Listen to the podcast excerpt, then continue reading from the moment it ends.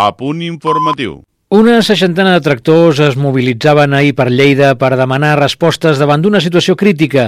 La pagesia demana responsabilitats pel que consideren una mala gestió de l'aigua prolongada en els anys. Ens porta la crònica des de UAU Lleida Ràdio, Jordi Claret. Desenes de tractors convocats per Unió de Pagesos han protagonitzat a Lleida una de les diverses marxes convocades pel sindicat arreu del país. Una mobilització que no ha comptat amb el suport d'altres organitzacions agràries com Jarco Assaja, un fet que probablement sigui conseqüència de l'agilitat de la convocatòria anunciada aquest dilluns.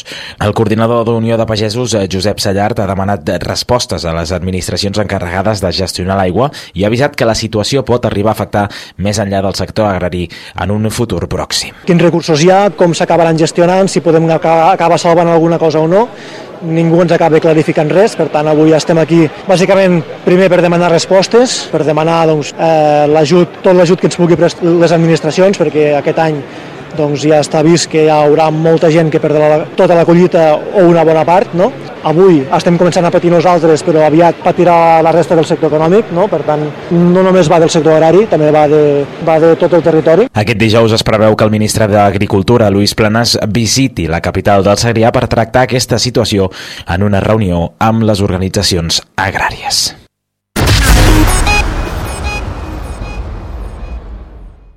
La Comissió d'Agricultura del Congrés dels Diputats aprovava aquest dimarts una proposició no de llei d'Esquerra Republicana de Catalunya transaccionada amb el PSOE, que insta el govern espanyol a participar en el finançament de la modernització dels regadius, concretament en els del canal d'Urgell que impulsa la Generalitat.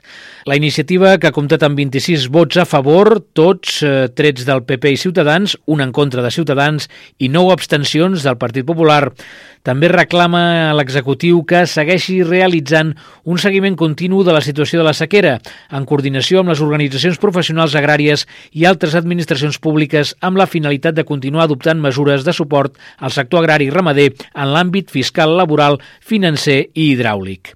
A més, el text reclama al govern espanyol que prossegueixi les tasques de millora de les línies d'assegurances de les explotacions agrícoles i ramaderes per poder oferir als assegurats les millors cobertures possibles d'actuació de rendiments, prestant el màxim suport econòmic possible per reduir el cost de les primes a càrrec de l'assegurat.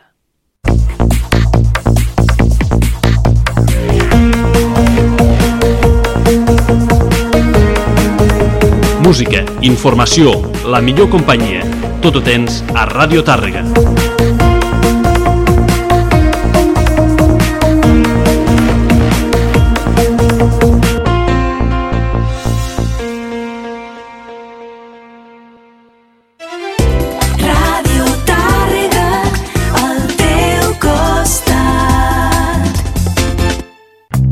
Imagines com pot quedar la teva cuina o el teu bany? Vols tindre una primera visió de com quedaria la teva reforma? Vine a Seguir Clima. T'ho posem molt fàcil, fins i tot amb el pagament a mida. Fem projectes 3D per plasmar les teves idees de manera realista, amb els models de mobles, materials i colors que vulguis, amb les rajoles que més t'agradin i amb la llum perfecta segons l'hora del dia. No et quedis amb la intriga. Seguir Clima. Distribuïdors oficials d'ICA, Roca i Siemens. Polígon Industrial de Llevant, carrer Noguera 7 de Tàrrega. Segueix-nos a les xarxes socials o en el web seguiclima.com. Activa't al Centre Esportiu Sant Jordi. Espai Salut Mama Activa. Embaràs, postpart, ioga infantil, pilates, hipopressius, massatge tall, esquena sana, rehabilitació del sol pelvià, pilates reformer i també entrenaments personals d'hipopressius. Centre Esportiu Sant Jordi, el teu gimnàs de salut i benestar. Més de 28 anys al teu servei. Firacoc 2023. El 13 i 14 de maig torna el punt de trobada gastronòmic de la Festa Major de Tàrrega. Coques de recapte, coc de Tàrrega i altres productes de fleca i alimentació artesana. El 13 i 14 de maig veniu a Firacoc, a l'Espai Mercat, al cor de la Festa Major. Us hi esperem. Organitza Ajuntament de Tàrrega. Vols gaudir d'una experiència única? Vine a Òptica Rubinat. Entra al metavers de la realitat virtual per personalitzar els teus vidres progressius. Gràcies a la tecnologia més avançada, podem analitzar la teva mirada. Informa't a Òptica Rubinat, a la plaça del Carme 17 de Tàrrega.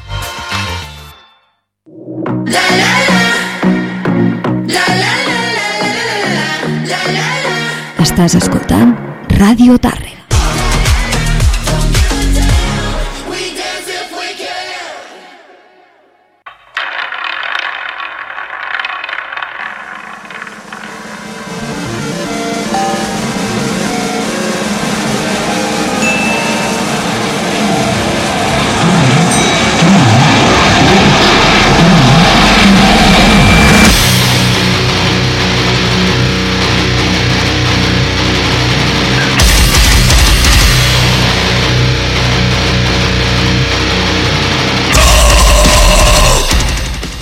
Bona nit, benvinguts valents i valentes, comença un nou Lo Balades.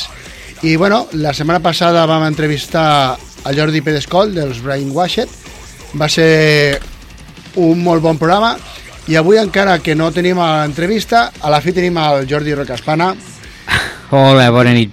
Que bona bé- nit a tothom. que ve carregat de novetats. Vinc carregat de novetats, això mateix. Algunes més bones, algunes que no agradaran tant, però bueno, en fi, és el que hi ha. Claro, i si no, pues mira, això és Lo Balades, no? Sí. També us porto moltes novetats de Maldito Records. I bé, començarem a donar les gràcies a Maldito Records perquè eh, m'han fet arribar aquest eh, àlbum dels murcians Lemur, que han editat el seu segon treball titulat Caelum Invictus.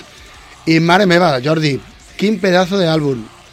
Aquesta entrega els ha de catapultar perquè, mare meva, l'espera des de l'edició del prim- que va ser el seu primer treball, eh, que es va titular Brote, ha valgut la pena l'espera.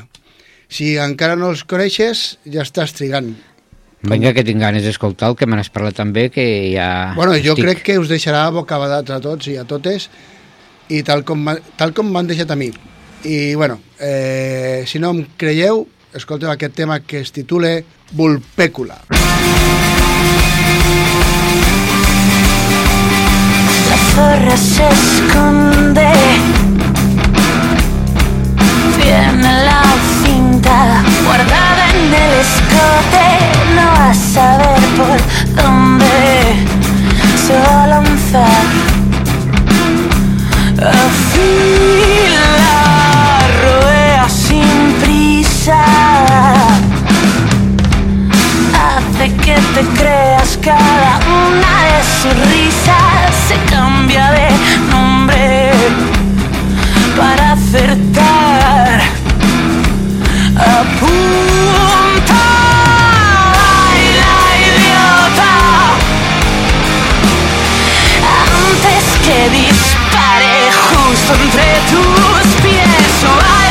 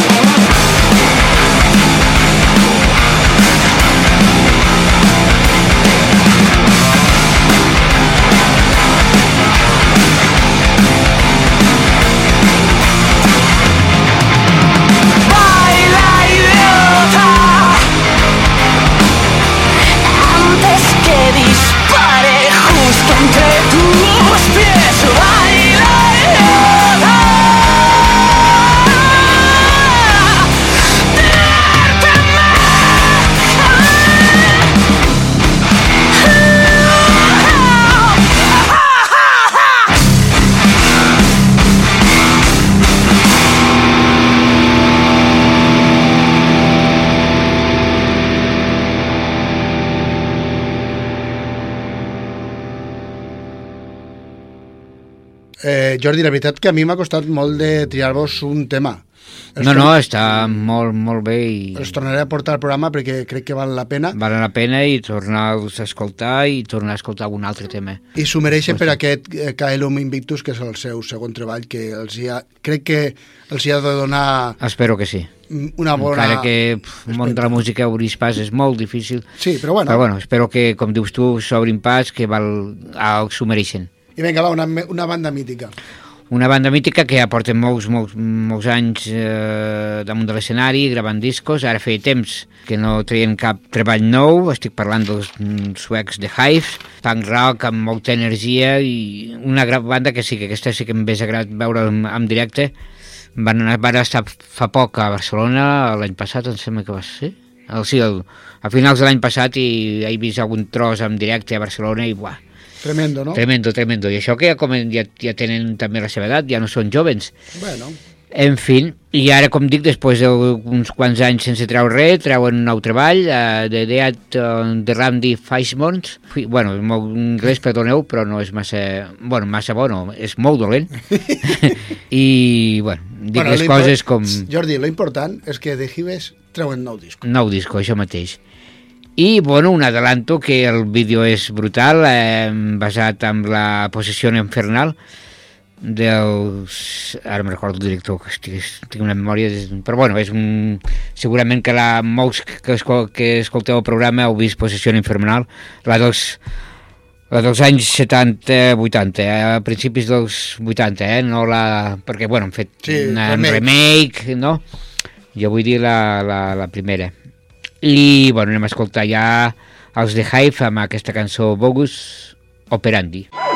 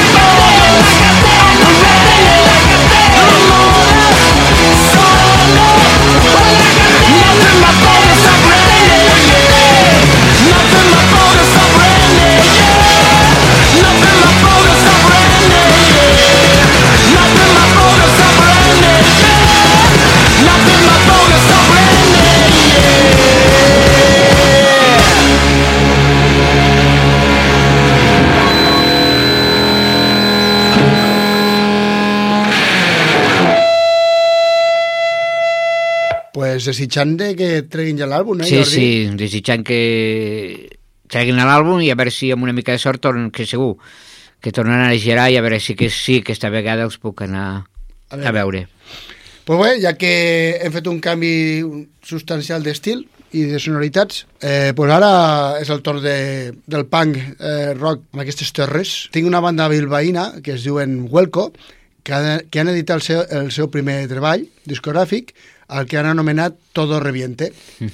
Eh, és un treball que no deixarà in- indiferent a ningú i si encara no els coneixes ja va sent hora. Us ficaré el meu granet de sorra perquè els conegueu. Posar-vos aquesta cançó que s'anomena A la deriva.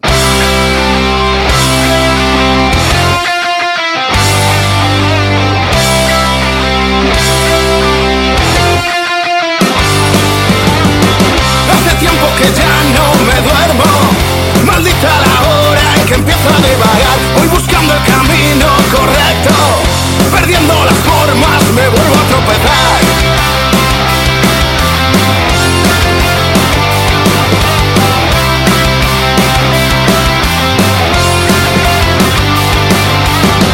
Esquivar otro golpe de efecto.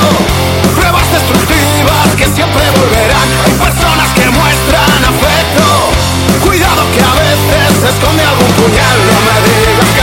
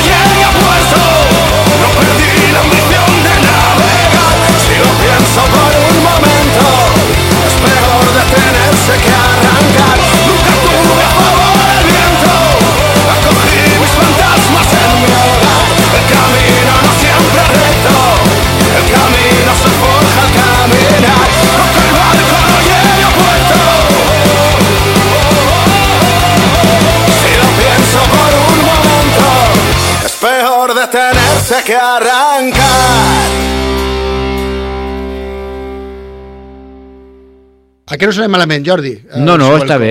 Pues doncs eh, ja ens coneixes gràcies a Maldito Records que ens l'han fet arribar. I una cosa curiosa, Jordi, resulta que aquesta gent es van formar el 2007 Mm, eh, i el 2012 ho van deixar sí. i fa un any doncs, van dir ei nois, per què no tornem en sèrie i fem algo de veritat? I mira, i han llevat aquest eh, que todo reviente. Bueno, I la, bé de I de no tirar- moment la cosa està pinte bé, pinte bé. Espero que sí. Molt bé. No, no, bé, pinta bé. Eh, I sí? espero que els hi vagi... A veure si tenen sort. Molt bé, això mateix. Vinga, va, Jordi. I, bueno, jo porto uns que... Bueno, si l'anglès és difícil, ara imagina't amb, al noruego. No, que no, Em, no el practiques. Keverlach, que tu em dius que havien sigut teloners dels Metallica. Sí, senyor, el bueno, pues no sé. 2017, la gira del 2017, van ser teloners a Europa de, dels Metal. dels Metallica, pues, bueno, fan ara al setembre treuen nou disc, fan, bueno, jo us he escoltat alguna a part d'aquesta cançó, alguna més, és un heavy, a vegades, sí. Sí. com aquesta, mm, per mi és més tirant al punk que al heavy, però bueno, eh, Bueno. és la meva opinió, no sé. En fin, i el títol de la cançó també en tela. Covertecte, Helvete o alguna així, o... Eh, crec que no, el meu noruec també està molt malament, però crec que fique, o diu, Grotterberg té el vete. Bueno, això és tal com se llegeix, vés a Sí, saber com se eh, com pronuncia. se pronuncia, això mateix. Pues Bueno, vinga. endavant.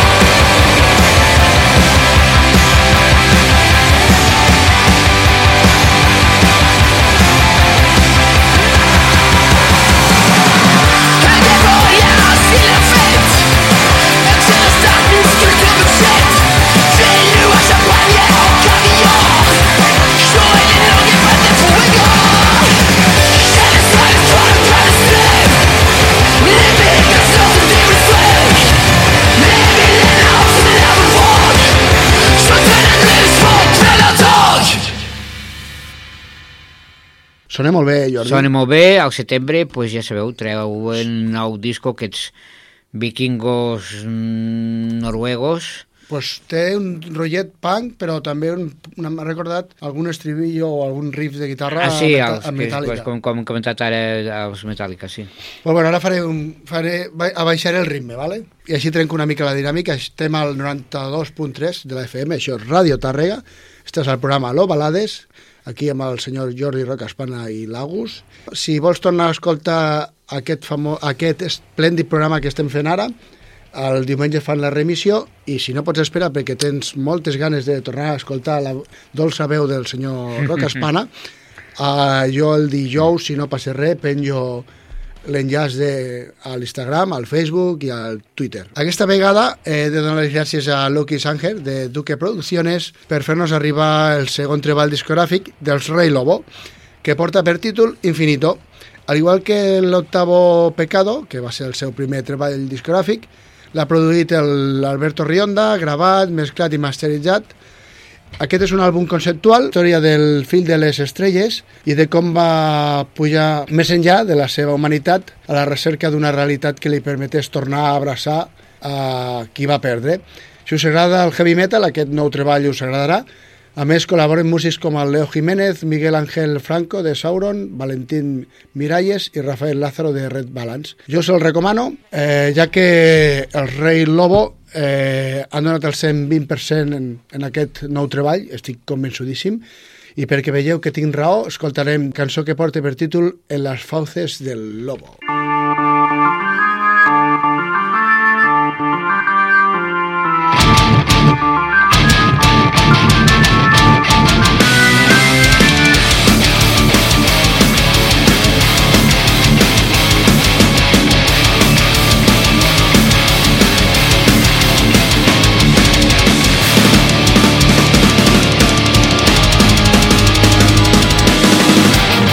Todo bien, todo mal, son dos caras del mismo final.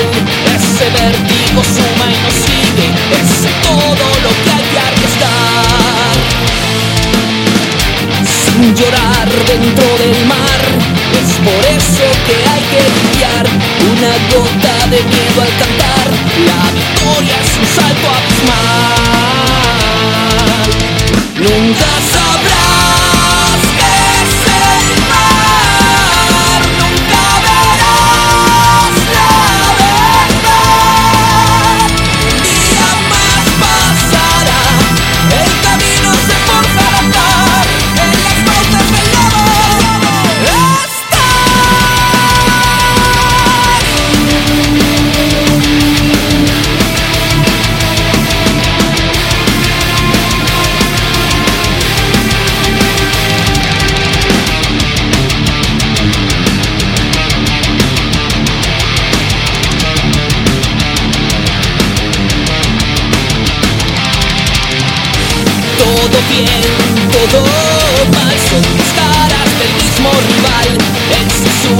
Viento temible es el cuento de nunca acabar.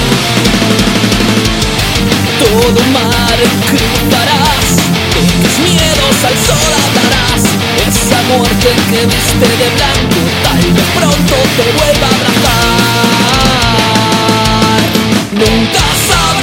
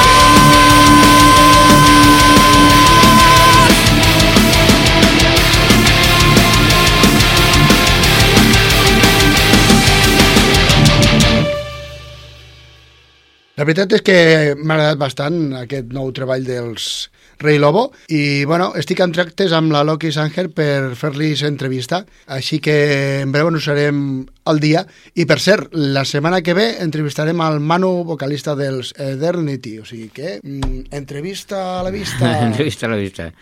Vinga, va, Jordi, què ens portes? Bueno, porto Una banda que no t'agrada, no? una banda que m'agrada, hi ha gent que no els agrada, bueno, Bueno, perquè... És com tot. Que si fan pop, que si no... Bueno, ells potser sí no estan encarats al rock, rock, és, tenen moltes influències del pop, això és veritat, Sí. és així. Però bueno, fa, fan un, un gran espectacle, els seus shows són un gran espectacle, són divertits i fan bones cançons. Sí, així és. sí. I fan també bones versions, com ara aquesta, que bueno, sempre quan hem tret un disco, normalment, per lo que he anat veient, fan després un EP de versions, no?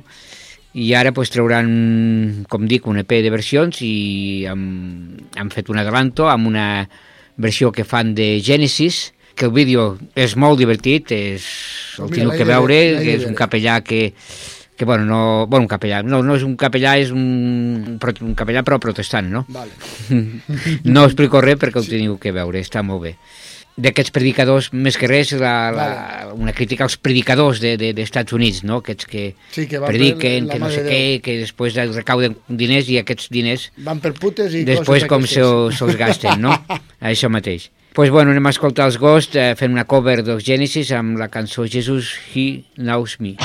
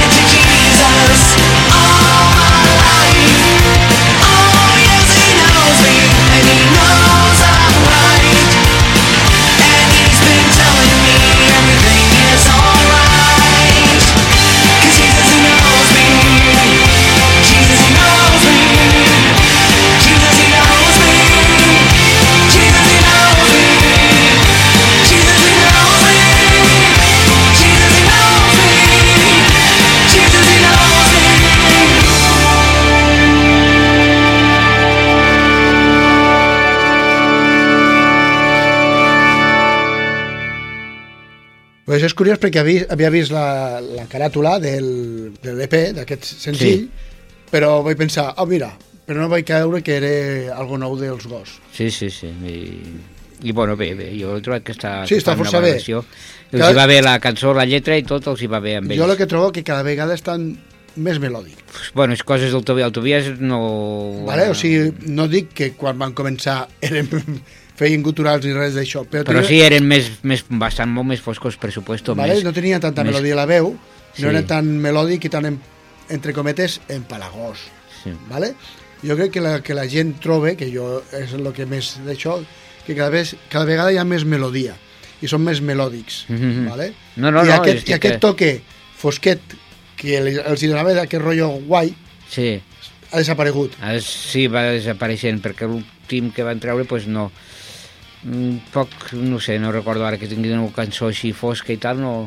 Vale? Llavors, és, sí. és el que jo trobo. Almenys tindrien que fotre el pròxim alguna cançó així més fosca, més...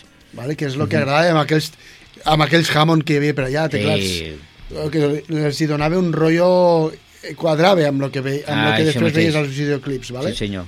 I això, els teclats aquests han desaparegut, eh, ara són, ja t'he dit, com t'he dit, més melòdic, i llavors aquesta frescura, Sí, el primer LP em sembla que va ser que potser sí que tenien més influències del, del Cain Diamond, però sí, Sí, claro, clar, separant-la... clar. Eh, la, Amb tot el respecte. Um, sí, però sí que tenien...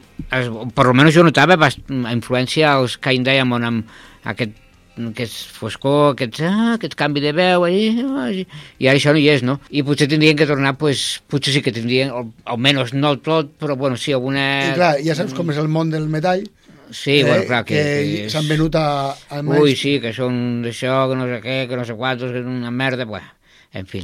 Però bueno, jo els primers discos de... Almenys els dos Això primers podem, sí. de Gos a mi m'agraden molt. I això ho podem tenir també de molts...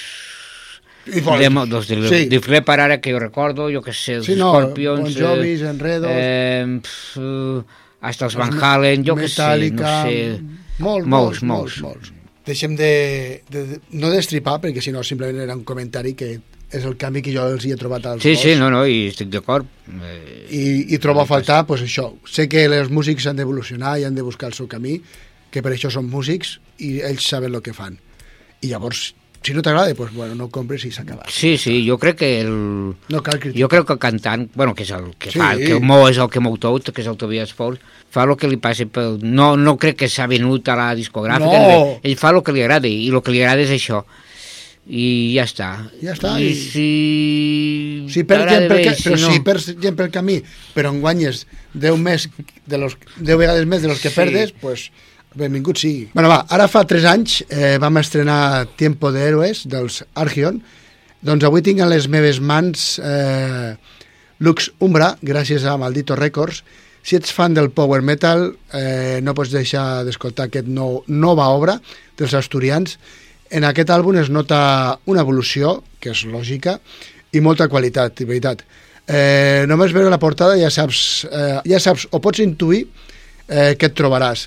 Jo us el recomano. Escoltarem el tema que tanca l'àlbum, que es titula Un largo viaje.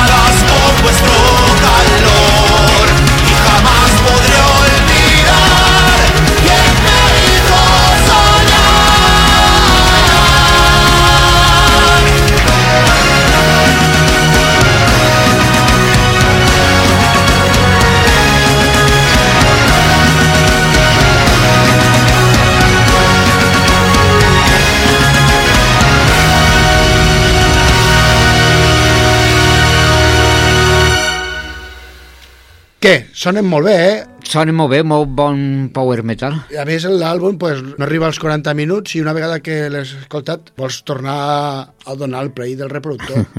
Almenys, Sí, sí, sí. almenys això em va passar a mi. Segur. Vinga, va. Uns altres que... Uns altres que tenen polèmica, que... Bueno, i, sí, bueno, si la busquem tothom la té. tant per lo bo com lo dolent és el mateix, no? Els Greta Van Fleet, un perquè s'assemblen molt als Led Zeppelin, o al contrari, per, o perquè s'assemblen molt als Led Zeppelin, són bons, perquè s'assemblen Sí. molt als Led Zeppelin, Són una còpia. són una còpia i una merda i uns... Eh, en fi, Ningú jo què sé, ningú pot- potser sí, no sé. Som, eh, vivim en un món de haters. Sí, bueno, sí, per supuesto no fan res original, això... No. Això no hi ha que, que diu. Però bueno, aquesta cançó que ara treuen nou disc, cony, són bons músics, la veritat que sí, que Claro. són bons músics.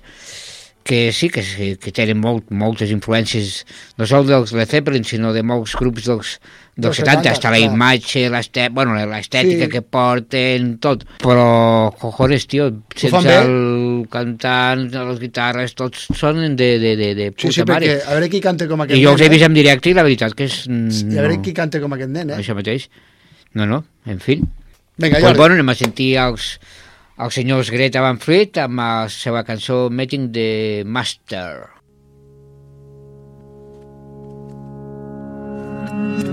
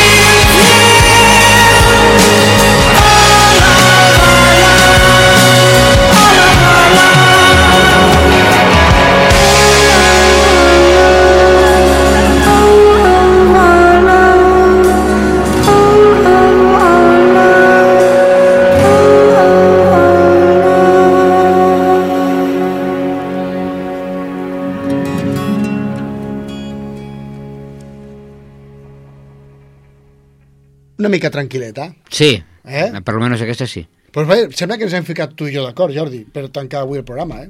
Sí? Sí, perquè porta una banda que a mi m'ha agradat molt, el seu últim treball, i també no és un rotllo setentero, com aquest, però és un rotllo rock indie, i està molt bé. Cartes sobre la mesa és el primer àlbum dels, del quintet rock indie Cruce de Caminos, i bueno, el tenim aquí a la Balades gràcies als amics de Maldito Records, un àlbum que ha gravat l'Edu Jerez als estudis Minus Zero i l'ha remesclat i masteritzat el Manel Ramil dels ex-Warcry, ex-Avalanche i ara els de l'Alma als estudis tercera planta d'Ares, allà a la Corunya. La veritat que sonen molt bé, els cinc músics que formen part de la banda porten més de 20 anys als escenaris i si ets amant d'aquestes sonoritats et recomano aquest Cartes sobre la mesa. Us ficaré un tema que a mi m'agrada molt i que porta per títol Retales. Ens veiem la setmana que ve. Fins la setmana que ve... I bona festa major. I bo, això, bona festa major.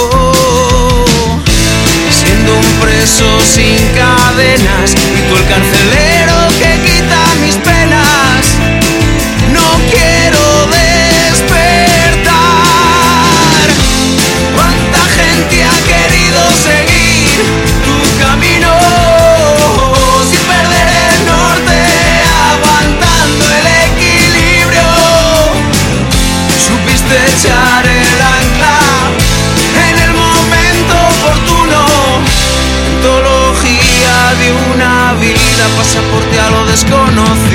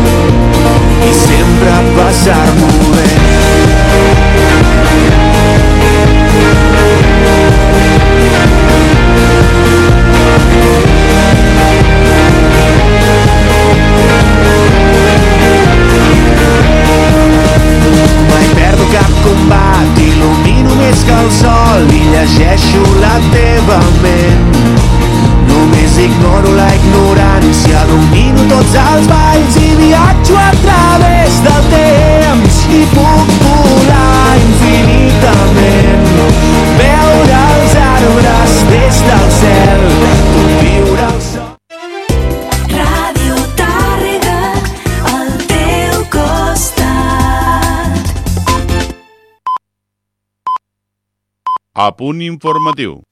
Tàrrega es prepara per viure de l'11 al 14 de maig una nova edició de la seva festa major, l'expressió multitudinària de la tradició, la cultura i la convivència. Més d'una quarantena de propostes integraran la programació, en la qual confluiran manifestacions de cultura popular, música de diversos gèneres, gastronomia i més al·licients.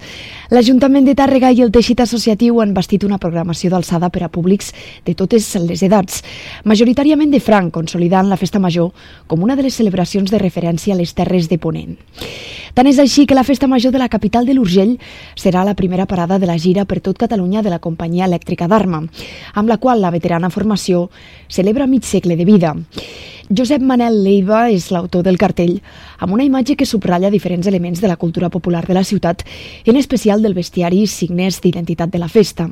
La regidoria de Cultura posarà a la venda en el marc de la Festa Major 2023 una reproducció de goma del drac de Tàrrega, que justament és un dels protagonistes del cartell de la celebració. Brasil. L'element de folklore local custodiat pels Diables de Bat esdevindrà així la segona figura del bestiari targarí, de la qual s'ha fet una representació a escala amb la finalitat de donar a conèixer la cultura popular de la ciutat. La imatge, fabricada amb materials de gran qualitat i pintures homologades, presenta un gran realisme i és de tacte semitou, de manera que pot ser tant una joguina segura per la mainada com una peça de col·leccionisme. La reproducció d'aquest element, així com de l'Otocino, es podrà adquirir a la botiga del museu, a l'estand del consistori instal·lat a Firacoc i a la llibreria Estel. El calendari s'obrirà oficialment el dijous 11 de maig a dos quarts de nou del vespre a la Casa Consistorial amb el pregó que enguany pronunciarà Anna Salvador, presidenta de l'Esbart Albada de Tàrrega. La capital de l'Urgell reconeix així la contribució a la cultura i la dansa popular que ha caracteritzat l'entitat vinculada a la societat Ateneu al llarg dels darrers 70 anys.